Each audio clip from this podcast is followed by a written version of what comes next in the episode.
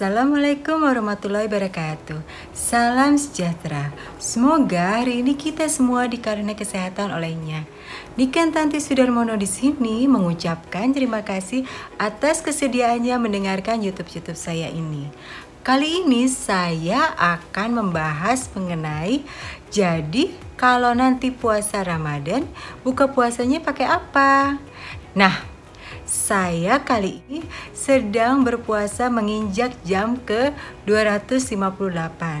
Tadinya saya akan berhenti di 240 jam atau bisa dikatakan 10 hari.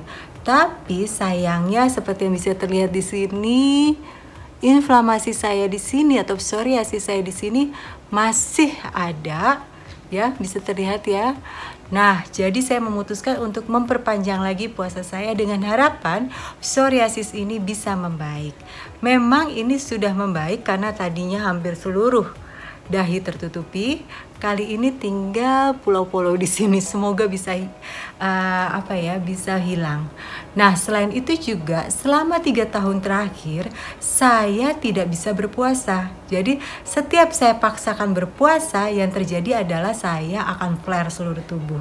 Nah jadi saya puasa panjang ini untuk mempersiapkan diri saya agar toksin-toksin dalam tubuh saya keluar agar sel-sel tubuh saya membaik sehingga insya Allah pada saat bulan Ramadan nanti saya juga bisa menjalankan puasa Ramadan seperti yang sudah diharuskan. Nah, saya kembali lagi dengan jadi buka puasa harus apa? Yuk, mulai sekarang biasakan diri kita selalu mengingat bahwa setiap kita makan atau asupan yang kita uh, konsumsi itu selalu terdiri dari tiga makronutrien. Jadi ingat hanya tiga, ya. Tiga makronutrien ini adalah uh, mulai dari karbohidrat atau disebut juga dengan carb, lalu juga protein dan fat atau lemak ya jadi cuma tiga itu makronutrien. Jadi setiap kita makan selalu diingat ini karbo kah? Atau ini protein kah? Atau ini fat? Dan tapi jangan salah karena makanan yang kita makan itu biasanya kompleks jadi bisa saja satu jenis makanan ini mengandung dua jenis makronutrien. Contohnya seperti telur. Telur mengandung protein dan juga fat atau juga ayam. Dia mengandung protein dan juga fat. Nah, sekarang kita mulai dengan apa yang terjadi jika kita masukkan makronutrien-makronutrien ini terhadap tubuh dan apa manfaatnya untuk tubuh kita. Yuk, kita dengarkan di YouTube berikut ini. Terima kasih sudah berkenan mendengarkan uh, YouTube ini. Yuk kita lanjutkan dengan apa yang terjadi jika kita mengkonsumsi makronutrien-makronutrien ini. Saya mulai dulu dari carb, karbohidrat. Karbohidrat seperti yang pernah saya bahas di YouTube sebelumnya mengenai karbohidrat itu sebetulnya adalah gula. Jadi jangan bilang kalau saya sudah tidak konsumsi gula tapi masih mengkonsumsi karbohidrat sama saja karena karbohidrat itu adalah gula.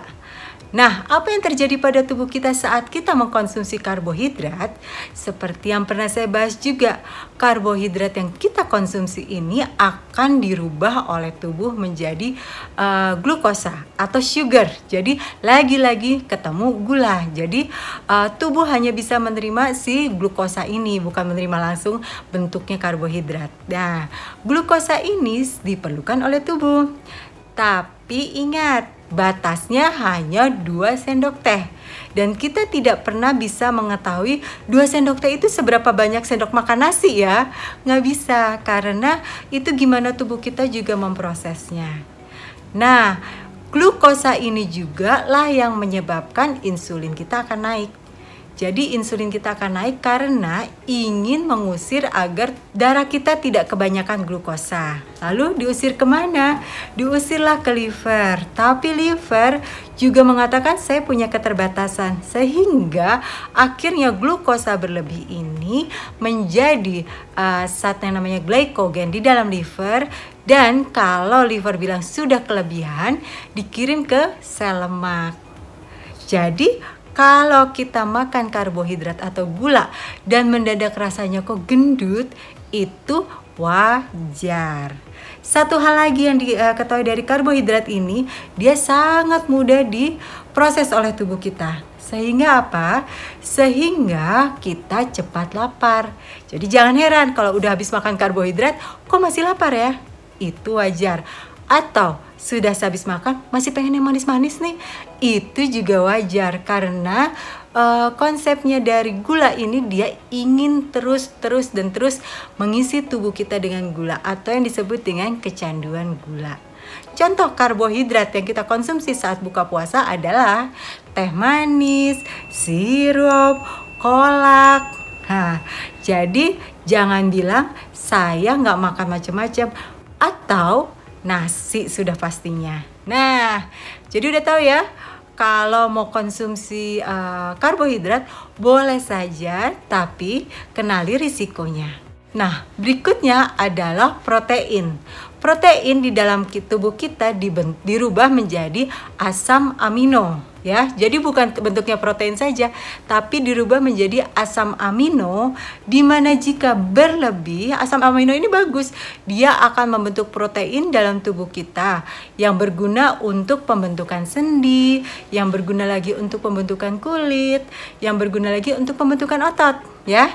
Tapi kalau berlebih, dia kembali lagi akan berubah menjadi glukosa. Nah, lagi-lagi ketemu glukosa. Tadi karbo jadi glukosa, protein juga jadi glukosa. Protein ini di dalam tubuh tidak secepat karbohidrat diabsorpsinya. Jadi, uh, protein masih tengah-tengah deh bisa dikonsumsi dan aman untuk tubuh. Contoh dari protein-protein yang kita konsumsi adalah telur dan dada ayam. Jadi, protein bisa dikonsumsi, tidak berbahaya asalkan jumlahnya tidak berlebih. Karena jika berlebih dia akan menjadi glukosa lagi.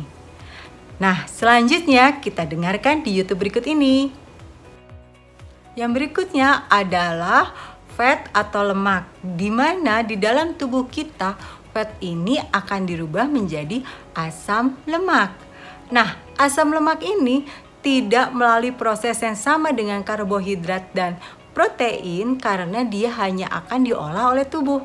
Jadi tidak menyebabkan insulin naik dan juga tentunya tidak menyebabkan penumpukan lemak di dalam sel lemak. Ingat, penumpukan lemak di dalam sel lemak adalah karena glukosa berlebih. Glukosa berlebih itu karena karbohidrat dan uh, protein berlebih. Lemak banyak ditemukan di alpukat, ikan, daging grass feed, uh, ayam. Ayam ini ada dua, dia mengandung protein dan mengandung lemak. Juga telur, telur juga ada dua, dia mengandung protein dan juga lemak. Dan MCT atau minyak kelapa. Dan juga jangan lupa yang saya sering sebutkan ada flaxseed. Jadi biasanya saya kalau berbuka puasa menggunakan alpukat dicampur dengan flaxseed, dicampur dengan kolagen agar mendapatkan protein juga dari kolagennya. Nah, yuk kita mulai pikirkan apa nih menu untuk buka puasa agar tubuh kita tidak uh, salah mengkonsumsi makronutrien-makronutrien ini.